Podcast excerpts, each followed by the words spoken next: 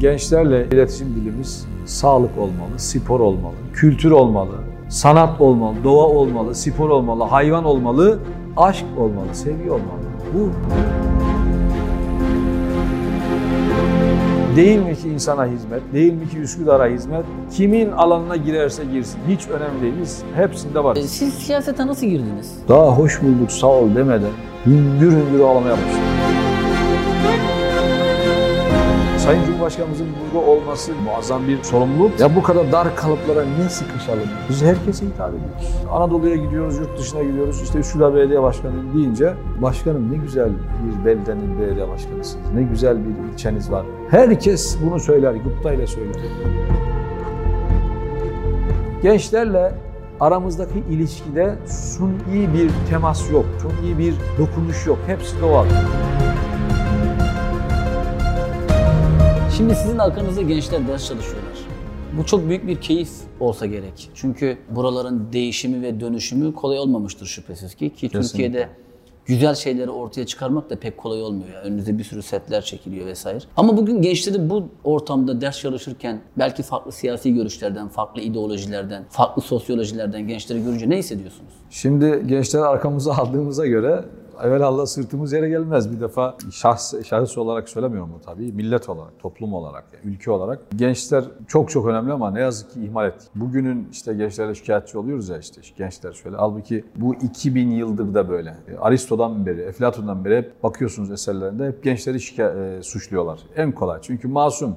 Masum gençler, savunmasız gençler. Vur abalıya şikayetçi ol. Biz öyle değil. Hissettiğimiz şu, iyi ki gençlerimiz var ve iyi ki bu gençlere hizmet etme fırsatını bulmuşuz. O makamdayız. En çok keyif aldığım konu budur. Bu kütüphaneler, işte nev mekanlar, okul ziyaretleri. Bizim bu gemide biliyorsunuz perşembe sabahları gençlerle buluşmalarımız var mesela. Onda da gençlerle buluşuyoruz. Aslında Üsküdar'ın bir gençlik politikası oluştu son yıllarda. Kesinlikle ve inanılmaz keyifli. Keyfi şuradan geliyor. Gençlerle aramızda suni bir iletişim yok. Çok doğal. Çok doğalız. Bizi gençler bu şekilde görünce bana hatta diyorlar başkanım kravatsız çok daha iyisiniz. Bırakın kravat takmayın böyle. Ben bugün mesela gençlerle buluşacağım diye kazak giydim geldim. Öyle düşünün ve Belki siz de rahatlamışsınız.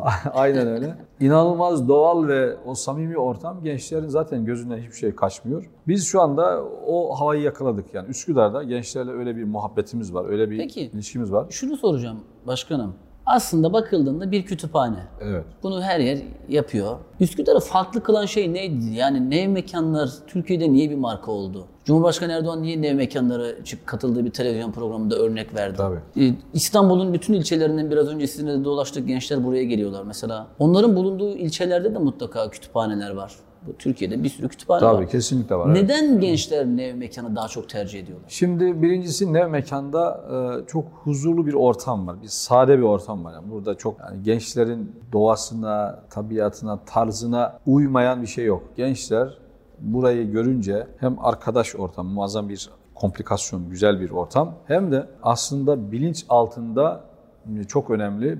Bunu ben, ailelerden duyuyorum. Güvenli bir ortam burası. Biz bazen çarşıda, pazarda geziyoruz, esnaf ziyareti yapıyoruz. Ben hiç tanımadığım bir bayan, bir hanımefendi Başkanım sizden Allah razı olsun. Çok teşekkür ederiz size. Hayırdır ne oldu? Benim çocuğum sizinle mekanda ders çalışıyor. Gece saat 12'de, 1'de, 02, 03 yani gecenin e, geç saatleri. E, çocuğu tabii eve gelmiyor. Arıyor annesi babası. Neredesin oğlum? Neredesin kızım? İşte biz belediye ne mekandayız. Belediyenin kütüphanesinde ders çalışıyoruz arkadaşlarla. Deyince diyor anne, baba biz yastığa başımızı rahat bir şekilde koyup uyuyoruz. Çünkü çocuğumuz güvenli bir ortamda. Bu inanılmaz keyifli. Yani bir belediye başkanı olarak, bundan daha mutlu bir tablo olamaz ya. Bu çocukların hepsi aslında bizim bizim çocuklarımız, bizim manevi evlatlarımız. Diyoruz ya onlara şimdi siz ailelerinizin göz bebeği yavrularısınız, her şeyisiniz. Anadolu'dan anneniz babanız işte yemedi, içmedi, biriktirdi sizi burada okutmak için dişinden tırnağından buraya gönderdi. Ne istiyor? Çocuğum okulunu bitirsin bir an önce e, hayata atılsın, millete hizmet etsin, işte geçimini temin etsin. O anne baba o ölçekten bakıyor. Onlar için çok değerli, çok kıymetli. Ama biz başka bir ölçekten daha bakmak zorundayız. Bu çocuklar, bu gençler bizim için de yani bu medeniyet için, bu toplum için, bu değer için, bu millet için, bu ülke için ve bu dünya için en değerli hazine. Gençlik çok değerli bir hazine. Şimdi buna pırıl pırıl gençler. Zeki, okullarına gidiyorlar, ders çalışıyorlar. Sağlıkları yerinde. E bu çocukları alıp yetiştirmemiz lazım. Bunlar bizim kuzularımız öyle diyelim yani. Bu kuzuları iyi yetiştirmemiz lazım. Tırnak içinde söylüyorum yani. Bunlar her şeyimiz ya. Bundan daha büyük zenginlik olamaz. Ve bu işe yapılan yatırımdan, bu işe yapılan proje çalışmalarından daha değerli bir proje ve yatırım olamaz. Siz hukukçusunuz. Evet. Öğrencilik yıllarınızda ilkokul itibariyle ilk büyük şehire geliş, e, sonrasında hayallerin daha çok perçinleşmesi, belki evrim geçirmesi. Nasıl oldu? Nasıl bir öğrenciydiniz siz? Küçükken ne olmak istiyordunuz? Tabii ben e, ilkokul, ortaokul ve liseyi Trabzon'da okudum. İstanbul'da 90'da geldim, 1990. Maçlara gider miydiniz o dönemde Trabzonspor? Paramız yoktu ki nasıl gideceğiz ya. kale arkasında fırsat bilsek bizim Trabzon'da Avni stadında kale arkası duvar biraz alçaktı. Arkadaşlarımızın sırtına basarak atlar maç izlerdik ama polise yakalanmaz, yakalanmaman lazım. Yakalarsa geçmiş olsun. yani çok nadir binde bir giderdik ama öyle bir Trabzonspor taraftarlığımız var tabii. Şimdi liseyi bitirdik işte Trabzon'da. Üniversite için 1992 Eylül'de İstanbul'a geldim. Harem'de otobüsten indik. Efendim İstanbul'a gelmişiz koca bir dünya. İlk defa şehir dışına çıkmışız Trabzon'dan İstanbul'a gelmişiz. Kimse yok yanımda. Ya- yalnız başıma geldim. Otobüsten indik Harem'de. Nereye gideceğiz? Nereyi bulacağız? Nasıl olacak? Düşünebiliyor musunuz? Anadolu'dan çıkmış gelmişsiniz 17, 17, 18 yaşında bir genç delikanlı. Bilmiyorsunuz hiçbir yere. Gelmeden bir tarif aldık dedik. Dediler ki bana İstanbul'u bilenler. Haremde otobüsten inince yüzünü denize dö- dön, denize doğru sağ tarafa yürü. Şöyle 1-2 kilometre yürü Üsküdar'a varacak. Vardığınız yer bir e, şehir merkezi Üsküdar. Oradan da 15C numaralı YTT otobüsler var. O otobüse biniyorsunuz. Bizim hemşehrilerimizin olduğu mahalleye e, sizi getiriyor. Son durakta iniyorsunuz. Aynen o şekilde indik. Denize döndük. O günün konumu aslında yani. Aynen, aynen. O günün konumu o, evet. WhatsApp'tan konum attı. Aynen öyle. O günün yandeksi. Tabii. Öyle İstanbul maceramız başladı ama benim liseli yıllarım gerçekten iyiydi yani. Başarılı bir öğrenciydim yani. Zaten İstanbul Hukuku bugün de kazanmak zor yani kolay bir üniversite değil. Ee, başarılı bir lise yıllarından sonra olduk üniversitede geldik buraya. 90, 2022, 32 yıl olmuş. Daha dün gibi yani. Siz hareme indiğinizde bu şehirle ilgili ilk aklınıza düşen şey neydi? Çünkü aslında bir taşradan büyük bir şehre geliyorsunuz. Belki ilk kez büyük bir metropol kente geliyorsunuz. Görmediğiniz birçok şey, hayatınızda belki ilk kez deneyimli, de- deneyimlediğiniz, belki utangaçlıklarınız o memleketin e, vermiş olduğu masumiyet. Nasıl geçti o günler? Ya tabii e, yani İstanbul'a ilk defa gelmişiz. Bir de biz Trabzon'da da köyde yani köylü çocuğuz biz. Köyde annemiz, babamız, biz Trabzon'un Çalpazarı'nın bir köyündeyiz. Hayatımız köyde geçti, yaylada geçti. Böyle bir şehir hayatı, böyle bir kalabalık ortam, böyle bir dünya kenti. Yani hayal bile edemediğimiz bir manzarayla karşılaştık. Tabii zordu yani ilk yıllar, ilk günler. Bizim mesela ben üniversiteye hazırlandığım yıllarda lisede hedefim öğretmen olmaktı. Yani iyi bir öğretmen olup biz de gençleri yetiştirelim yani çocuklara e, örnek olalım. Yani iyi bir öğretmen de olacağıma, e, e, olabileceğime inanıyordum yani. Başarılı bir öğretmen olurdum gerçekten. Hala içimde de bir ukdedir öğretmen olamak. Yani öğretmenliği o anlamda çok Belki seviyorum. de Neve Mekanlar'ın başarısı oradan da geliyor olabilir. Olabilir yani. Bir yani. öğretmen gibi şimdi onları izliyor olabilirsiniz yani. Veya onlara alan açmak. Evet, okumak, okutmak, işte e, her gün yeni bir şeyler öğrenmek. Biz bu işleri yaparken de öğreniyoruz yani. Ben bu çocuklardan çok şey öğreniyorum. E, Gençlerle oturuyoruz, bir tanışıyoruz. Hepsi ayrı bir hikaye, ayrı bir e, değer.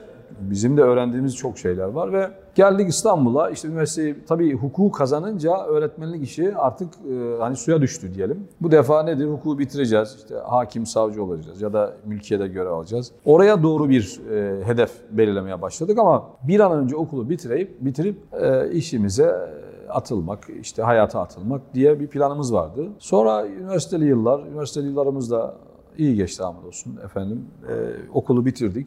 Ben 10 yıla yakın avukatlık yaptım. Yani 90, 97, e, 96, 2004 arası. Siz daha çok hangi ceza işlemlere bakıyordunuz? Avukatlıkta ilk yıllar tabii biliyorsunuz e, serbest meslek bir de ofis açıyorsunuz. Ofisin e, giderlerini karşılamak lazım. İlk Dükkanın dönmesi lazım. Dönmesi lazım. E, Her işe baktık ama sonra yavaş yavaş çevremiz oluşunca özellikle ceza davaları ve gayrimenkul taşınmaz davalarına odaklandık. Laf aramızda o işlerde iyi de para var yani. yani avukatlıkta ilk yılda mesela kazandığımız parayla bir ev bir araba aldım yani. İlk bir senede aldık. Şahane bir işti. Girdiğiniz davalarda oran neydi mesela? Üç davadan ikisini kazanırım, birini kaybederim falan. Ya şimdi şöyle bu avukatlık... Performans nasıldı Tabii, yani? e, iyi, e, övünmek gibi olmasın iyi bir avukattım. Yani e, hem mahkemede yargı personeliyle işte öz, kalemde yazı işleri müdüründen mübaşirine hepsiyle ya bir defa bu işlerin hepsi bir karşılıklı iletişim önemli. İyi bir iletişim dili kurmuştuk. Ben mahkemelerde de yani sevilen bir avukattım öyle söyleyeyim. Yani bazen hiç tahmin etmediğin anda mahkemenin hakimi avukat bey işte eğer işin yok e, yoğun değilsen bir çay içebiliriz bile diyebildikleri olmuştur yani. Ama biz bunu asla suistimal etmedik. Sonuçta işimize bakıyoruz. Mahkemelerde yani kazandığımız davalar tabii daha çok yani sonuçta ama kaybettiğinde oluyor sonuçta. Bu bir yargı süreci sonuçta hakimin takdirindedir. Hakim de keyfi bir takdirde bulunmayacak tabii. Yasal zemin, Evet. delilleriniz, işte olayın gerçekleşme durumu nedir? Yani gerçekten güzel bir yargı sistemi var sonuçta. Ee, başarılı bir avukattım yani hem e, müvekkillerimizle aramız çok iyiydi hem yargı camiasıyla ve avukatlık şöyle bir şey. Avukatlık başkasına ciro edilemez. Sizin bir ofisiniz var. Size vatandaş geliyor derdini anlatıyor. Siz de alıp bu derdi başkasına pas edemezsiniz. Müvekkilinizin şuna inanması lazım. Şuna kani olması lazım. Nedir o? Bu avukat benim işimle ilgileniyor gerçekten. Yani dört elle sarıldı. Çözerse bu işi bu çözer. Havasını verirseniz aynen aileler çocuğumuz ne mekanda ders çalışıyor, güvende öyleyse rahat uyuyayım diyor ya anne baba. Onun gibi bir şey yani sizin işinize, müvekkilinizin size emanet ettiği davaya, ilginize, alakanızı, güvenini eğer tesis ederseniz sorun yok yani. Aslında bugün bir anlamda siz avukatlık mesleğinizi bence sürdürüyorsunuz. Çünkü Evet. kendi ilçeniz içerisindeki insanların hukuklarını koruyorsunuz. Tabii ki. Onlara adaletli davranmaya çalışıyorsunuz. Ee, ve bu günün sonunda da aslında Hilmi Türkmen diye bir markayı da ortaya çıkarıyor. Estağfurullah. Ee, siz siyasete nasıl girdiniz? Biz şimdi siyasete tabii liseli yıllarda aslında başladı bu hikaye. Liseli yıllarda. Biz lisede okurken özellikle bulunduğumuz ilçede Trabzon Vakfı Kibir'de gençlerle ilgilenen bir dernek, bir vakıf vardı. Bu vakfın yöneticileri, abilerimiz, büyüklerimiz yani bizi zaman zaman sohbete getirdi. İşte kitap okurduk, e, bir takım programlara, faaliyetlere, konferanslara giderdik. Ya böyle sosyalleşmek, toplum içerisinde olmak, birilerini dinlemek, bir hatipten e, güzel anlattıklarını dinlemek, kafanızda onu bir yere yazmak. O alışkanlık aslında öyle başladı yani. Yani çok içime kapalı bir öğrenci değildim ben yani. işte öğrenci arkadaşlarla derneklerimiz, kulüplerimiz vardı. Okulda sosyal aktivitelerde, sportif faaliyetlerde bulunuyorduk. Yani biz hareketli bir öğrencilik yıllarımız olunca e, doğal olarak sizi iş, onu, o, o alışkanlık bir yerlere sürüklüyor.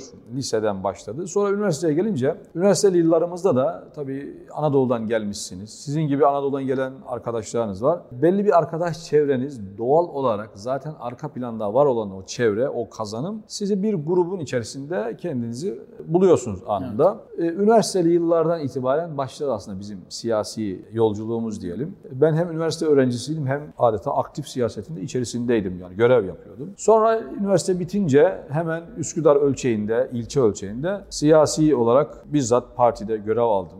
Mahalle teşkilatından başlayarak yani bir partinin mahallede önce yönetime girdim. Sonra mahalle başkanı oldum. Sonra ilçe yönetimine girdik. Sonra ilçe başkan yardımcısı olduk derken biz tam da siyasetin göbeğinde kendimizi bulduk. Hem de Üsküdar gibi bir yerde yani. Üsküdar tabii belki bunun farkındasınız, belki değilsiniz ama herkesin belki de başkanlık yapmak isteyeceği yerlerden bir tanesi değil mi? Mesela bir gece telefonunuz çaldığında Cumhurbaşkanı arayabilir sizi. İnsanların Sayın Cumhurbaşkanı çok kolay ulaşabileceği bir yer. Tabii. Ki Cumhurbaşkanı da zaten insanlarla temas etmeyi çok seviyor. Her an şikayet edilme durumunuz da var Cumhurbaşkanımıza öyle değil mi? Tabii tabii. var. Şimdi Üsküdar bir defa gerçekten çok güzel bir yer yani. İşin siyasi boyutunu bir kenara bırakalım ama Üsküdar'da yaşamak ayrı bir lütuf yani. Herkese nasip olmaz. Bunu inanarak söylüyorum. Üsküdar bambaşka bir yer. Yani Türkiye'de, İstanbul'da nerede yaşamak istersin? Üsküdar. Benim de duam kıyamete kadar neslimiz, bizden sonra gelenler hepsi Üsküdar'da yaşasınlar istiyorum. Yani Üsküdar böyle bir yer. Yani bu görevimiz bitince de ben yine Üsküdar'da yaşamaya devam edeceğim. Böyle bir yerdeyiz. Neden? Ee, Üsküdar her şeyden önce mütedeyyin, muhafazakar, tam bir Anadolu. Yani tam bir bizim yani bizim bizim insanımızın yeri burası. Geleneklerimize, yaşam tarzımıza, değerlerimize çok uygun bir yerleşim alanı oluşmuş burada. E, bir de tabii Çamlıca'nın eteklerindesiniz. Boğaz'a efendim kıyısı olan en uzun İstanbul ilçesi burası. Her yere ulaşım kolay, lokasyon itibariyle doğru bir konum. Bir de e, Üsküdar'ın tarihi kodlarına gittiğinizde Burası tam bir Müslüman şehir. Yani Osmanlı'dan, İstanbul'un fethinden önce Müslümanlar buraya gelmiş. 1453 İstanbul'un fethi, 1352 Üsküdar'ın Müslümanların ana yurdu olma tarihi. 101 yıl önce. O yüzden Yahya Kemal diyor ya hani fethi gören şehir, bir rüyayı gören şehir. Bu ilçe, bu Üsküdar 100 yıl boyunca, 101 yıl boyunca karşı tarih yarımadaya, efendim karşıya, karşıyı temaşa etmiş. Hayal etmiş adeta. Yani inşallah bir gün karşısı da Bizans'tan alınır ve Müslüman bir şehir olur diye o hayalle yaşamış Üsküdar. Bir böyle bir yer. Harem Mesela adı boşuna harem değil yani. Onun da bir hikayesi var. Biliyorsunuz Osmanlı döneminde daha Cumhuriyet'in ilk yıllarına kadar Trakya'dan, Balkanlardan, Anadolu'dan, Avrupa'dan bütün hacı adayları İstanbul'a geliyorlar. Mihrimah Sultan Camii'nde sabah namazını kılıyorlar topluca. Yürüyerek hareme yürüyorlar sahilden. Bizim bu haremin üstünde Ayrılık Çeşmesi diye bu Marmaray'da bir durağı var biliyorsun. O Ayrılık Çeşmesi dediğimiz yer adı üzerinde Ayrılık Çeşmesi. Hacı adaylarıyla hacının yakınları orada ayrılıyorlar birbirlerinden. Vedalaşıyorlar, helallaşıyorlar. Adaylar Mekke'ye, Medine'ye yola devam ediyor. Yakınları evlerine geri dönüyorlar. O yüzden Ayrılık Çeşmesi evet. durağı orası. O yüzden harem yani hareme, Mekke, Medine yolculuk Üsküdar'dan başlıyormuş. O yüzden adı harem. Bu konuda bir şey daha var. Dünyanın en büyük Müslüman mezarlığı Karacaahmet Mezarlığı. Üsküdar'da. Neden? Hep büyükler, anneler, babalar, dedeler, nineler çocuklarına vasiyette bulunmuş. Biz ölünce bizi Karacaahmet'e defnedin diye vasiyetleri varmış. Yani Karacaahmet'te metfun olmak Kabe topraklarında, kutsal topraklarda olmak gibi yani psikolojik men öyle bir kabul varmış. Ve o yüzden büyük bir mezarlık. Hatta bu hacı adayları işte Üsküdar'a ayak bastıklarında Mihrimah Sultan'dan itibaren kendilerine bir çeki düzen verirlermiş ki hani kutsal topraklara geldik, peygamberimize komşu geldik diye bu hep var, tarihte de var, bugün de bu Adem Bey. Ben de Üsküdar'ın dışına çıktığımda ya da bir başkası, ben çok duyuyorum bunu. Tekrar Üsküdar'a döndüğümüzde ayrı bir manevi atmosferi, havayı yakalıyoruz. Anadolu'ya gidiyoruz, yurt dışına gidiyoruz. İşte Üsküdar Belediye Başkanıyım deyince, başkanım ne güzel bir beldenin belediye başkanısınız, ne güzel bir ilçeniz var. Herkes bunu söyler, gıptayla söyler. Bu zor bir şey değil mi? Sizin mesela kendi partiniz içerisinde de birçok belediye başkanı arkadaşınız var. Aslında doğal olarak herkes birbiriyle rakip sonuç olarak yani. Evet. E, aynı partide olsanız da işte bir proje yapıyorsunuz. Sizinki daha fazla tutuyor. İnsanlar daha çok talep gösteriyorlar vesaire vesaire. E, bunun tabii ki çok alkış aldığı gibi mutlaka e, zor yanları da vardır diye düşünüyorum. Şimdi zor yanı var tabii ki var. Üsküdar bir defa çok göz önünde bir ilçeyiz. Siz de dediniz yani Cumhurbaşkanımız burada. Sayın evet. Cumhurbaşkanımız işte siyasi büyüklerimiz burada. Türkiye'nin önde gelen iş adamları burada, basın camiası burada. Zor. Yani Üsküdar belki de Türkiye'nin en zor seçim bölgesidir yani. Onu söyleyeyim. Üsküdar'da, Anadolu'da ya da İstanbul'da böyle çok kıyıda köşede bir ilçe değil burası. Her yaptığınız olay. İ- iyiliği de bu işin olay.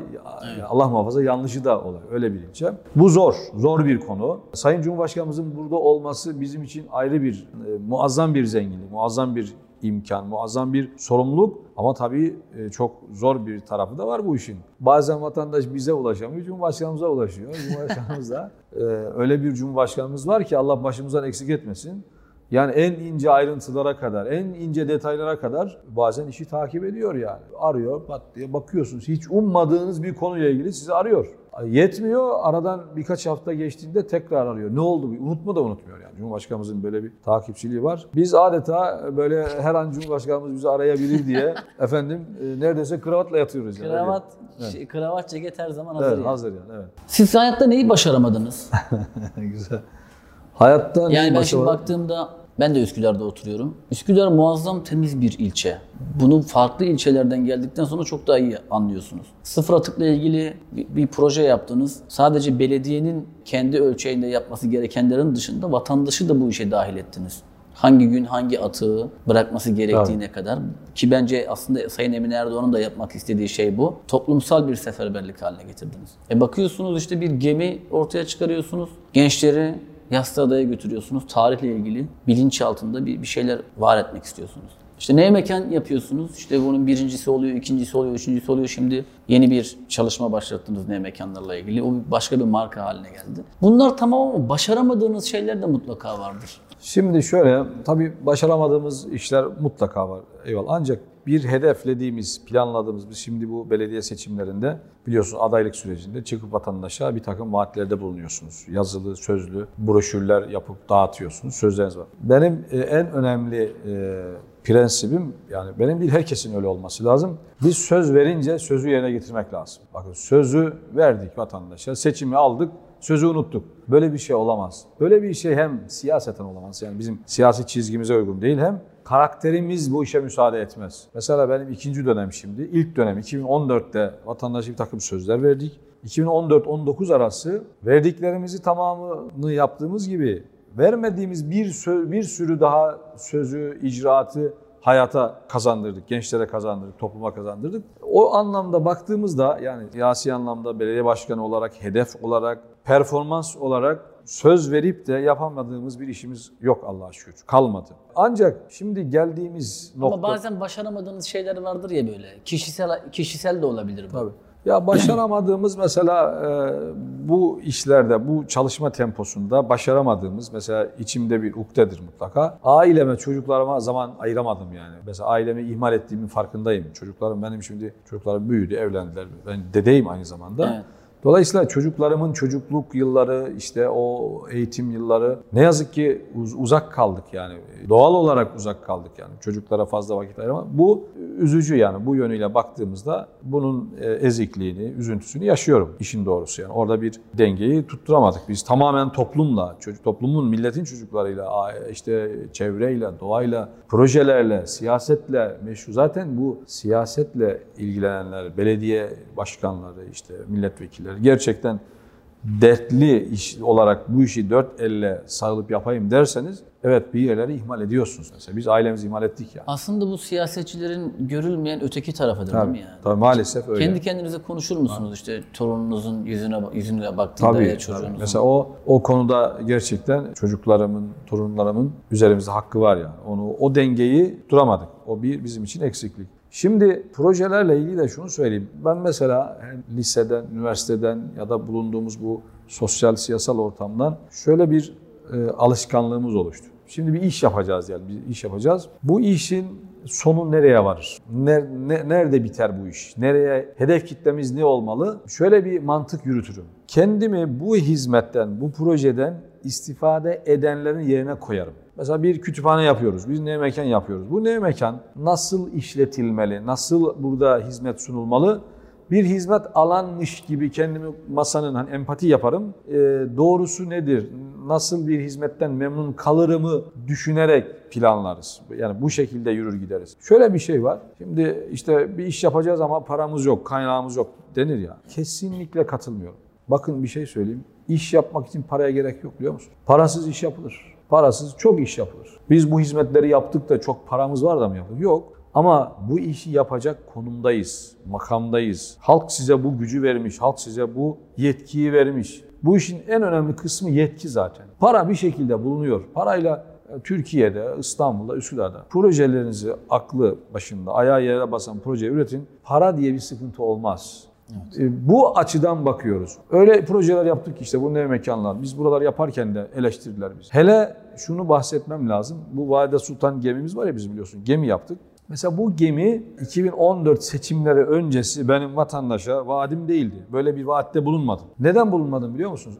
Şimdi bu gemi işi, deniz ulaşımı konusu biraz yabancı olduğumuz bir konu. Yani bilmiyorum, işin detayını bilmiyorum. Aslında kafamda yani zihin arkasında, arka planda ben dedim belediye başkanı olursam İstanbul'da bir ilk olan bu gemiyle vatandaşı Boğaz'da bir kültür turu yapacak bir mekanizma kuracağım. Böyle bir çalışma düşünüyorum ama konuyu bilmediğim için yarın hiç ummadığımız bir hususla karşılaşabiliriz endişesiyle bunu bir Allah kuluyla paylaşmadım. En yakın çalışma arkadaşlarım bile bilmiyor yani. Kimse bilmiyor. Onlar da şu an öğreniyor Tabii, olabilirler. evet. ya. Seçim oldu bitti. Aradan geçti 6 ay 2014'ün Eylül-Ekim ayları. Bizim bir abimiz var, bir gemici, armatör. Bir gün onun ofisine gittim çay içmeye. Dedim ki ya ben böyle bir şey düşünüyorum. Böyle bir şey yapacağız. Neden yapacağız? Üsküdar bir deniz ilçesi. İstanbul'da en uzun denize kıyısı olan ilçe Üsküdar. Biz bu denizden yer, yeterince istifade edemiyoruz.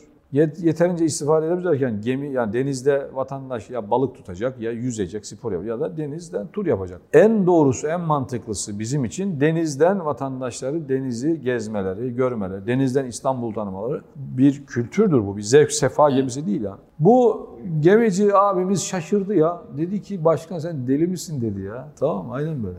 Ne işin var denizle gemiyle dedi o işi dedi. İşte e, İDO yapıyor efendim e, şehir hatları yapıyor. İşte armatörler deniz taşımacılığı. Yani belediyenin ne işi var? Ben önce bu abimizi ikna etmeyle uğraştım yani. Önce e, tabii şaşırdı bu fikrimize. Niye ona sordum? Çünkü o gemici yani bu işin bilinmeyen sıkıntı. Evet. Dedi başkan bu işler çok sıkıntılı işler dedi. Yorar seni dedi falan.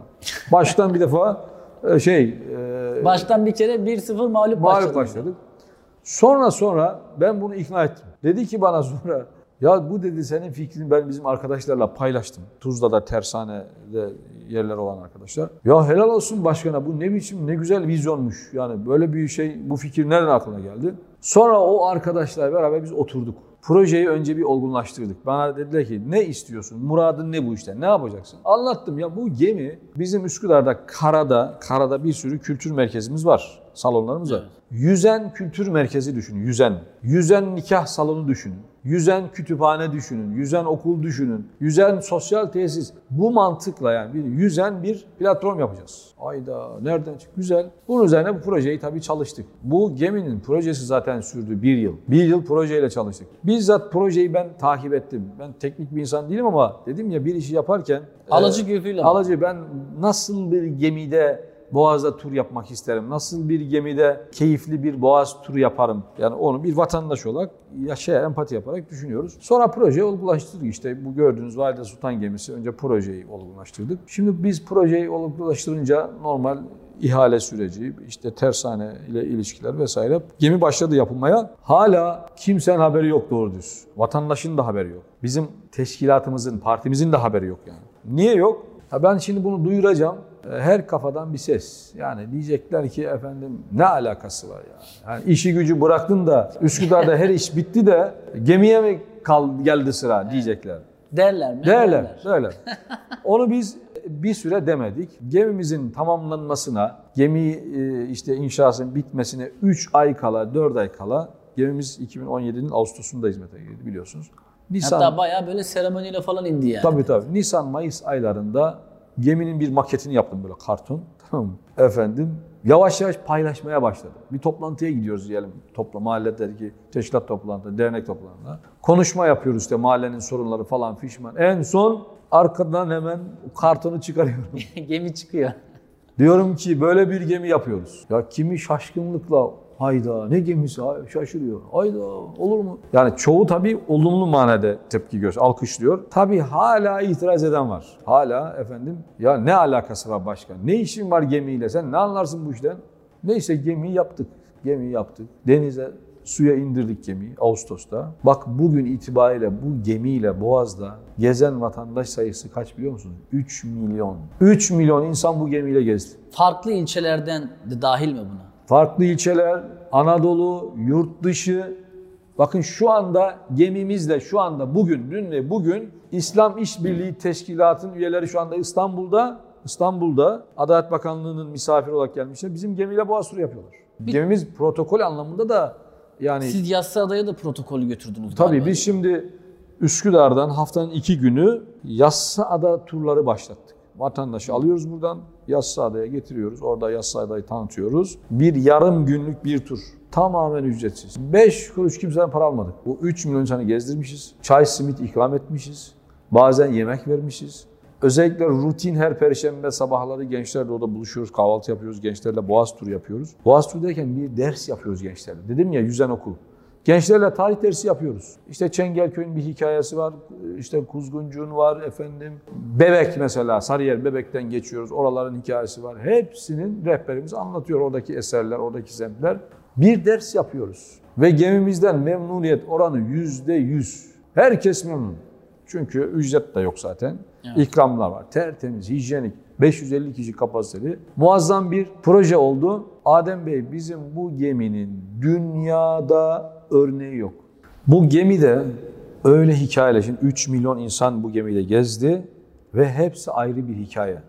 Baştan bize işte bu gemiye ne alaka, ne gerek var diyenler bile zaman zaman beni gördüklerinde başkanım hakkını helal et. Biz seninle ilgili böyle düşünmüştük ama yanılmışız. Diyen de çok duydum. Ve en çok da onlar geziyor gemiyle şu anda. Zaten öyledir genelde. En Kesinlikle. çok şikayet eden en çok kullanandır. Şimdi biz bu gemiyi ilk aldığımız, başlattığımız zaman e, tura Boğaz'da ben de fırsat buldukça vatandaşlarla buluşmak için gemiye gidiyorum. 500 kişi ne güzel vatandaş toplanmış her mahalleden gelmişler. Gemiye gelmek serbest. Belediyemizde bir hat kurduk. O hattı arıyorsunuz, rezervasyon yapıyorsunuz. 500-500 alıyoruz vatandaşı oraya.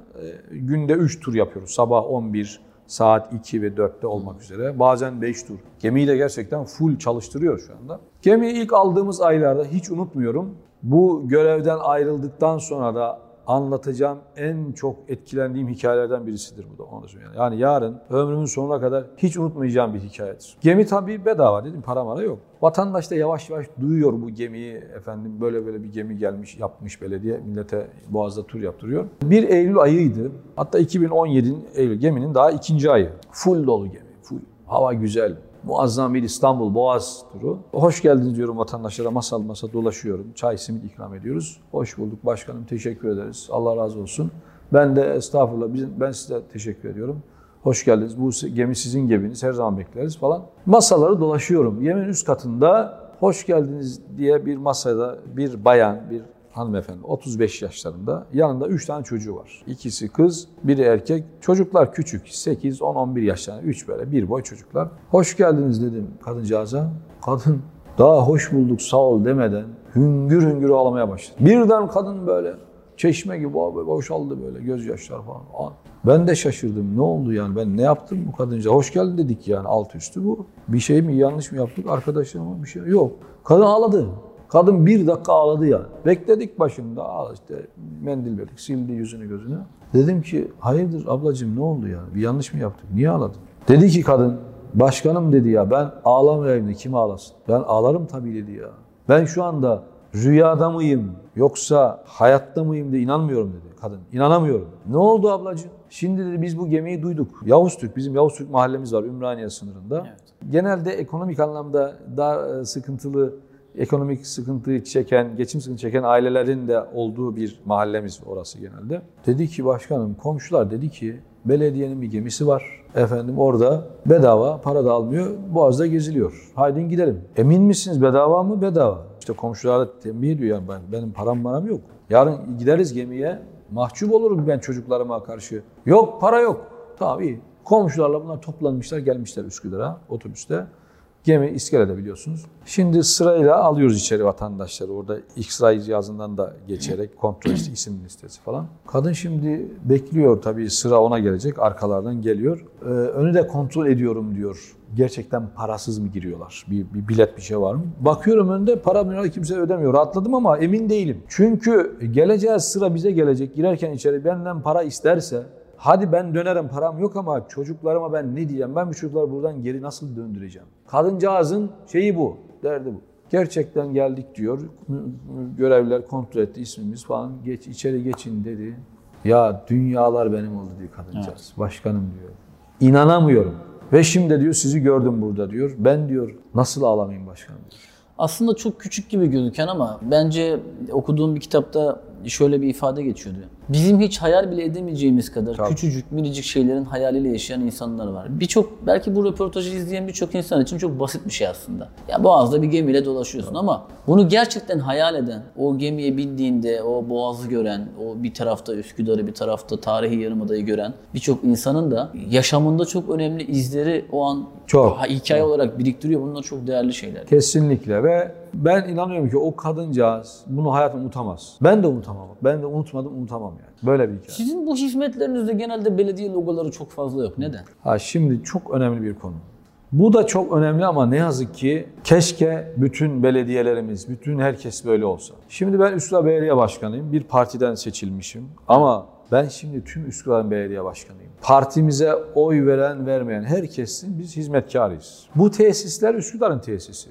Biz, bizim partimize, benim dünya görüşüme ait insanlarla sınırlı değil. Herkes buradan istifade edecekler. Ve bizim toplumla ve özellikle gençlerle, bu gençlerle bakın bu testlerde bizim iletişim dilimiz asla siyaset olamaz. Siyasi bir dil kullandığın anda ötekileşiyor insanlar. Şimdi biz bu gençlerle arkamıza gençler aldık dedik ya demin. Sebebi ne biliyor musunuz? Biz gençlerle siyaset yapmıyoruz. Ben hiçbir gence, hiçbir sohbette siyasi bir cümle kurmam. Kurmadım. Partimizden, işte teşkilatımızdan, efendim siyasi çizgimizden hiç bahsetmedim. Evet benim bir siyasi çizgim var, bir partim var, bir liderim var. Sonuna kadar orada olmaktan da gurur duyuyorum, onur duyuyorum. Hizmet etmek için millete önemli bir konudur partide görev yapmak, hizmet almak, bir partinin mensubu olmak. Ama seçildiğimiz gün parti logomuzu, rozetimizi çıkar, çıkarır. Tüm Üsküdarları kucaklayacak bir anlayışa bürünürüz. Ve bu gençler o yüzden bizi çok seviyor. Hem tesislerimizde bir logo, belediye logosu dahi göremezsiniz. Hem söylemimizde. Söylem yetmez eylemimizde. Burada bu gençlerle ben zaman zaman buluşuyorum. Adem Bey oturuyoruz, sohbet ediyoruz ya da evlerine gidiyorum, yurtlara gidiyoruz, e, öğrenci evlerine gidiyoruz falan. Hiçbir gün bir cümle etmedi. Ve bizi farklı kılan da budur. Bugün Peki bu geç... Peki bu zor değil mi? Yani herkesin kendi mahallesine seslendiği bir dönemde veya bir çeşitli kahraman olmak için fanatikliğin dozunu artırdığı bir dönemde bu sizin yaptığınız siyaset Hilmi Türkmen açısından zor değil mi? Yani? Ee, hiç zor değil. Bir defa niye zor değil? Ben buna inanıyorum bir defa. İnanarak, kendime güvenerek yapıyorum bu işi. Bunun aksini diyenleri ben ikna ederim. Bizim yaptığımızın doğru olduğuna inanıyorum çünkü. Zaten bir işe inanıyorsanız başarılı olursunuz. Zaten inanmak bir, sevmek iki. Bu işi severek yapıyoruz ve doğru olduğuna inandığımız için yapıyoruz. Bizim Nakkaştepe Millet Bahçesi var. Bazı dostlarımız diyor ki ya başkanım bu millet bahçesinde hiç doğru düz belediye logosu koymamışsınız buraya. Hatta daha da ileri giderek parti logosu koymamışsınız. Kızıyorum onlara. Ne alakası var? İnsanlar gelsin, bu ne mekanları görsün, Nakkaştepe'yi görsün, işte gemide gezsin, bizim hizmetimizi, eserimizi konuşsunlar. Eser konuşuyor zaten. Eserle vatandaş konuşuyor. Gençler burada kütüphanede bu eserle konuşuyorlar. Ben bunlara daha ne söyleyeyim, ne anlatayım yani. Gözüne sokmak gibi bir şey öyle bir şey yok. Evet. Biz zaten bu doğallıktan, bu doğal çizgiden saptığımız için bugün bu sıkıntılar başımızda. Bugün gerçekten gençlerle aramız iyi. Ben bunu hissediyorum. Gençler seviyor bizi. Neden seviyor? Ben gençlerle olduğum gibiyim. Yani bir yapmacık peşinde değilim. Neyse odur. Gençlerle aramızdaki ilişkide suni bir temas yok. Suni bir dokunuş yok. Hepsi doğal. Ben buyum ve sizin gençlerle aramızda aslında hiçbir fark yok. Siz neyseniz biz de oyuz. Beni seven var, partimi söylüyorum. Siyasi dünya görüşümü benimseyen var, benimsemeyen var. O hiç beni ilgilendirmez. Ben bu gençler yetişsin, kitap okusun da hangi kitabı okursa okursun derdim o. Evet. Hatta Adem Bey bu kütüphanede her çeşit kitap var. Bir çizginin kitabı değil. Her türlü kitap var burada biliyor musunuz? Her yani dünya görüşü, siyasi düşünce ne olursa olsun herkes kendine ait burada bir kitap bulur. Bu yönümüzde de bizi eleştirirler çok zaman zaman. İşte Üsküdar Kütüphanesi'nde her türlü kitap. Neden olmasın? Niye olmasın ki? Yani? Ya bu kadar dar kalıplara niye sıkışalım biz?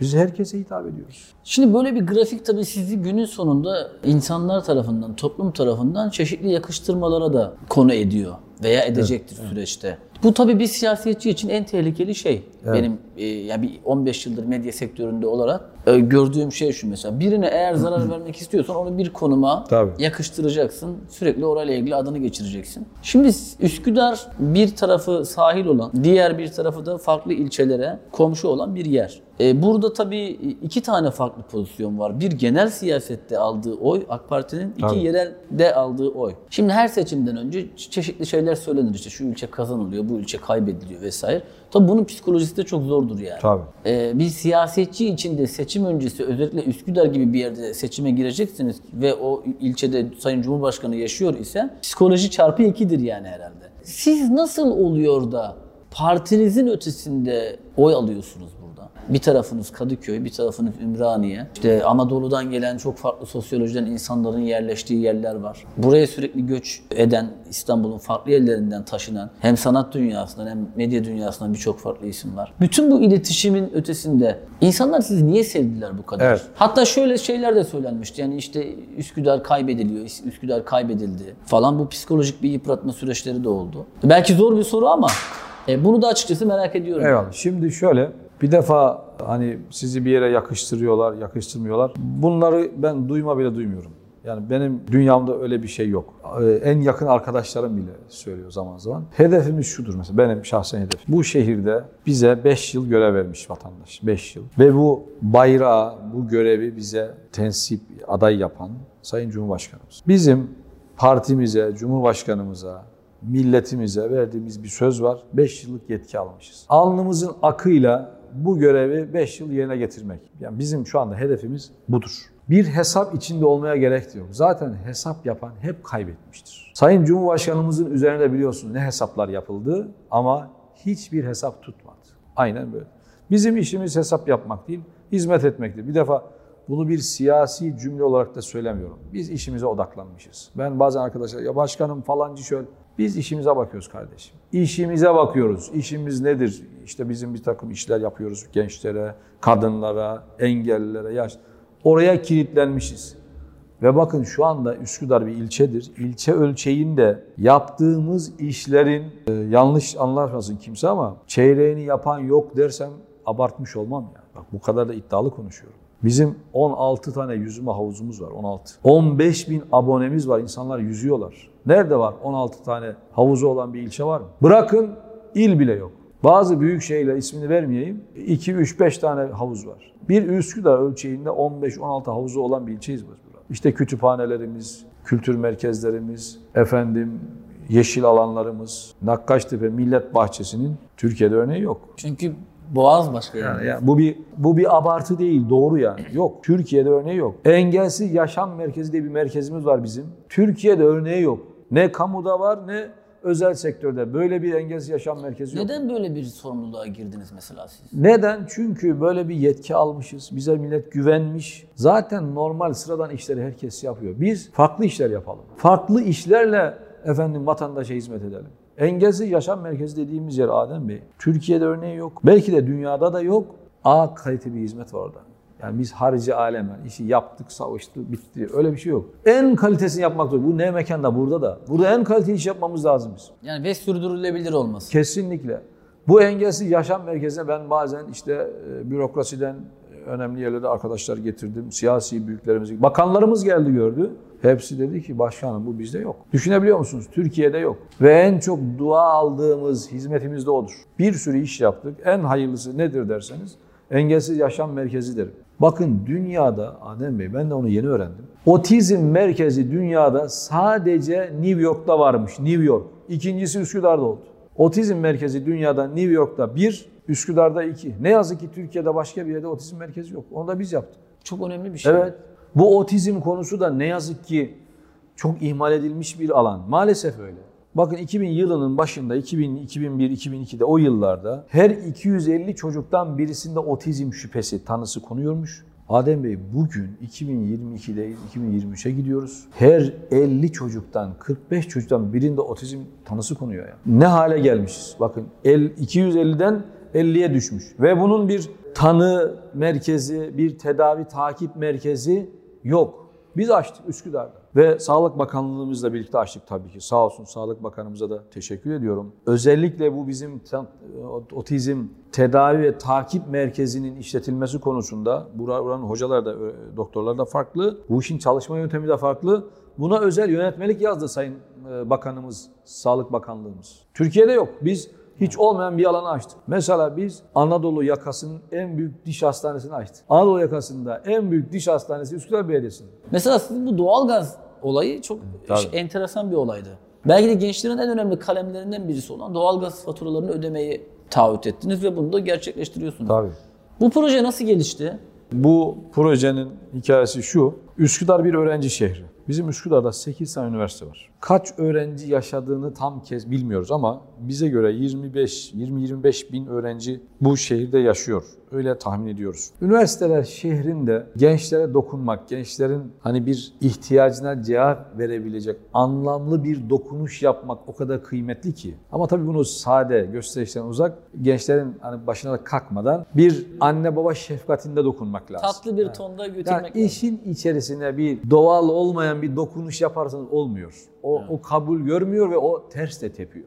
Bizim bu anlamda gençlerle zaten işte kütüphaneler, bu ne mekanlar aramız gayet iyi, problem yok. Tabii kış geldi işte Ocak, Şubat, Aralık ayları İstanbul'da kış. Biz arkadaşlarımızla istişare ediyoruz. Arkadaşlar bu gençlerle ilgili neler yapabiliriz, ne edebiliriz? Yani bu gençlere bir farklı dokunuş ne olabilir? Çok da e, bir ihtiyaç görür, cevap verir diye. Mevsimde kış. Bir arkadaş dedi ki öğrenci ya başkanım dedi şimdi bizim işte öğrenci evinde kalıyoruz. Bizim Üsküdar Yavuz Türk Mahallesi'nde. Bu doğalgaz peteklerinin e, her odayı yakmıyorlar. 3 e, 3 petek yakıyorlar, 2 petek yapıyor. Isınmada ısınamıyoruz. Niye oğlum hepsini yakmıyorsunuz e, peteklerin? Başkanım işte e, gaz çok pahalı geliyor falan. Bu gençlerin doğalgazın ödesiniz başkanım ne sarar biliyor musun? Böyle bir şaka yollu bir laf atıyor. Yani evet. e, ihtimal de vermiyor. Dedim verelim. Verelim. Şimdi bu fikri bu biz gençler konuşuyor, sohbet ediyor. Bizim için gençlerin fikirleri değerli. Bir de işin sahibinden öğreneceksin yani. O bir şey diye dedim ya bir şey öğreniyoruz biz devamlı. Evet. Bu mantıklı bir şey yani. Gençlerin çok hoşuna gider. Peki ama biz hangi gençlerin doğalgaz parası ödeyeceğiz yani? Dedim ya 25 bin genç var Üsküdar'da. Nasıl bir kriter? Bunu biz tabii çalıştık. Biz bütün riskleri göze alarak dedik ki Üsküdar'da oturan, Üsküdar'da ikamet eden, yani nüfus kaydı Üsküdar'da olacak, ikamet kaydı Üsküdar'da olacak. En az 3 kişinin kaldığı bir ev olacak. Yani tek başına kalan öğrencinin durumu iyidir anlamında düşündük evet. onu. Yani tek evde kalıyorsa herhalde bir aileden geliri var. En az 3 öğrenci olacak. Üsküdar'da ikamet olacak. İstanbul'daki herhangi bir üniversitede öğretim görecek. Fark etmez yani Üsküdar, İstanbul hiç fark etmez. Dedik buna biz verelim bir bu şey doğalgazı faturalarını ödeyelim. Bir de limit koyalım ki öğrenciler demesin ki yarın nasıl olsa gaz bedava. Evi de hamama çevirmeye gerek yok yani.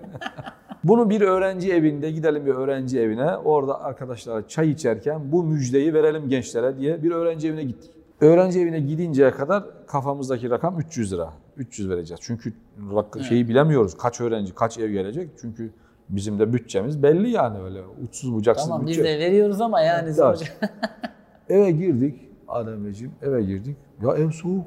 5 tane Marmara Üniversitesi'nden okuyan genç çocuklar evlerine niçin geldiğimizi, orada doğalgazları gibi açıklama yapacağımızı onlar da bilmiyorlar. Gittik oturduk çayımızı içtik, gazete serdik yere işte melemen yapmışlar falan, çay falan. Gençler bu ev niye soğuk? E başkanım işte petekleri tam yakmadık. Niye yakmadınız? Çok para geliyor. Ne geliyor dedim. Dedi ki başkanım dedi işte evin yarısını şeyi açmamışlar peteği. 3-4 petek açık, buz gibi ev. İşte 350 lira geldi. 350 lira geldi, yarısını yakmışlar peteklerin. E, tamam yaksanız ne al gelecek? Başkanım tamamını yaksak 6-700 lira gelir. Benim orada 300 lirayla o eve girdik. Anında dedik 400 lira açıkladık işte. 400 lira veriyoruz. Arkadaşlar da şaşırdı. Başkanım hani 300 liraydı. Oğlum ev buz gibi görmüyorsunuz diyor. 400 lira açıkladık ve inanılmaz gençler mutlu oldu. Biz mutlu olduk. Şu anda aşağı yukarı bine yakın ev e, müracaatı var aylık doğalgaz faturalarını ödüyoruz. Ve inşallah bunlarla da bu güzel gençlerimize hizmetimiz sürecek. Adem Bey son bir şey söyleyeyim.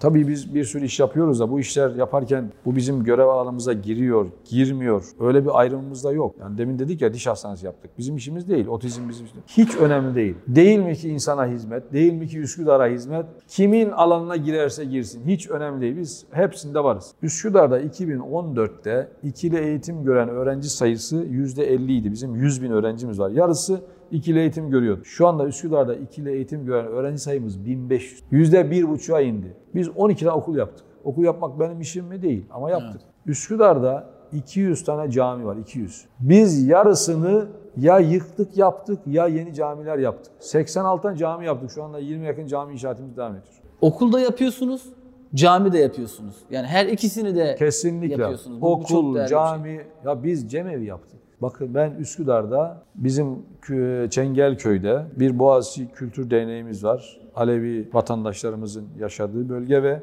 dernekleri var. Bir apartmanın altında 50 yıldır bir apartman altında bir rütubet nem yani şey bir yer, izbe bir yerde 50 yıldır kimse bu vatandaşlarımıza bir şey yapmamış. Biz geldik, topladım o vatandaşı, gittim ziyaret ettim. Size dedim söz şahane bir cemevi yapacağım.